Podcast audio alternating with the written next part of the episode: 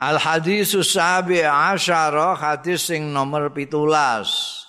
An Abi Ya'la kunyai Abu Ya'la. Asmane Saddad ibni Aus radhiyallahu Saddad bin Ausin radhiyallahu anhu an Rasulillah saking Kanjeng Rasul sallallahu alaihi wasallam kala ngendika sapa Kanjeng Rasul innallaha katabal ihsana ala kulli syai'in. Setune Gusti Allah taala iku kataba nentokake ya Gusti Allah al ihsana ing gawe bagus ala kulli syai'in ing atase saben-saben suwiji.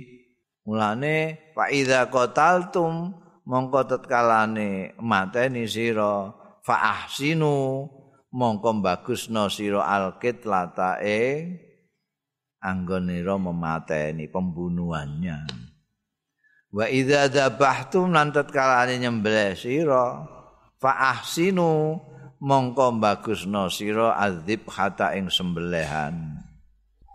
Bagusake sembelihan iku sepundi? Wal yukhidda lan supaya ngelandepake sapa ahadukum salah siji kabeh safratahu ing pesone ahadukum wal yurih lan supaya ngepenakno sapa ahadukum dzabihatahu ing sembelihane ahadukum rawahu ngriwayatake hadis sapa muslimun imam muslim.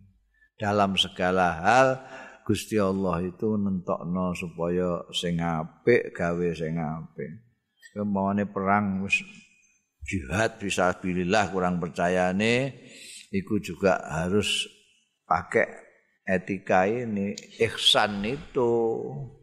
Enggak boleh sembarangan terus musuh kuat cekal terus mbok bedeti sithik-sithik ngono eh irunge mbok ketok tunggu sesuk upinge ngono kau itu enggak boleh.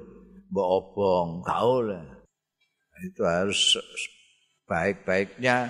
Piye? Ya secepat-cepatnya ngono ae.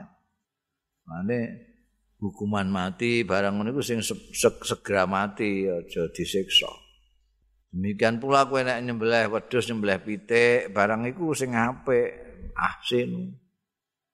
Nyembelih mulane nyembelih ya mben peso pesone diungkal sing landep. Terus mbok graji ngono iku dosa wae. Iki anu grajine landep. Landep kok graji. Mbok nyembelih wedhus iku. Kau sing apik.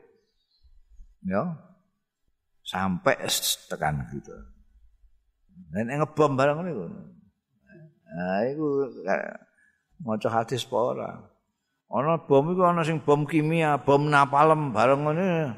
Kuwi itu ngawur Tapi wong ndekne dudu wong Islam. Ngono nek wong Islam mesti ngerti. Nek Gusti Allah iku kataba ala kulli syai'in al ihsan.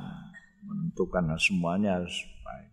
Apa ae ora kok berbuat baik harus baik. Tapi nanti mata ini juga harus baik. Berbuat baik harus baik piye? Kowe nyugoi wong ngono, nyugoi tamu ya kudu sing apik. Supaya ndekne merasa mentuk ihsanmu. Senajan mbok sugoi rono ana sate ana gule sak piturute tapi kowe merengut terus ini janji emeh juga sate itu mbok pentelengi. Wah, itu gak ihsan. Senajan mau tempe to ambek sambel tapi kowe ya ya tekno tekno.